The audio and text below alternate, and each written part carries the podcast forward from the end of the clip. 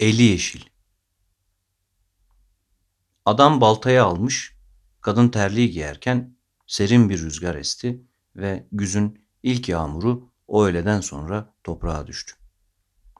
Adam kafasını kaldırıp kadına baktıktan sonra baltayı yerine koydu.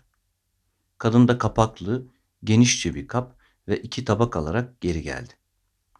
Balkonun altında bir sigara içtikten sonra bahçeye çıkıp salyangoz aramaya başladılar. Ve akşam yemeğinin menüsü tüm kentte değişti. Diğer birçok evde olduğu gibi onların evinde de garavil yapılacaktı. Yemeğin ardından tekrar baltayı alıp evden çıktılar. Şeftali ağacının altına gittiler. Ya Hızır dedi adam ve söze girdi. Ben bu ağacı keserim hanım. Bu ağaç meyve vermez çoktandır. Kadın yanıtladı. Ben kefil olayım bey. Eğer bu yıl vermezse gelecek yıl kes. Ağacın duyacağı şekilde tamam dedi adam ve eve doğru gerisin geri yürüdüler. Çay içip uyudular. Gece Hızır örtüsünün altından çıkıp bahçeyi aydınlatarak çıka geldi. Kıvır kıvır saçları kavun içi elbisesinin askılarından omuzlarına dökülüyordu.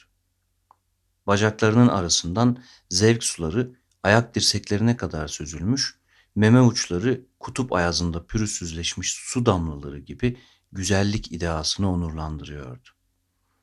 Hızır'ın gelişiyle ağaçlar önünde eğilip el pençe divan durdu.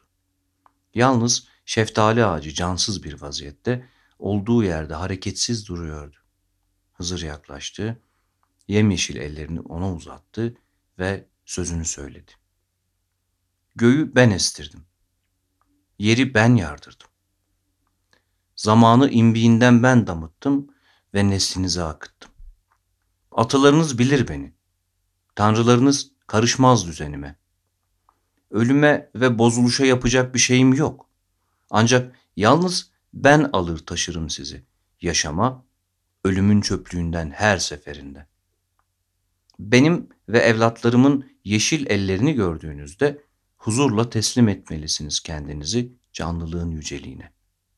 Ben Hızır, üçüncü kez indim yeryüzüne. Sabah tavukları salmak için uyanan adam bahçeye çiğ düşmüş olduğunu gördü. Öğlen çiğ kalkmamıştı.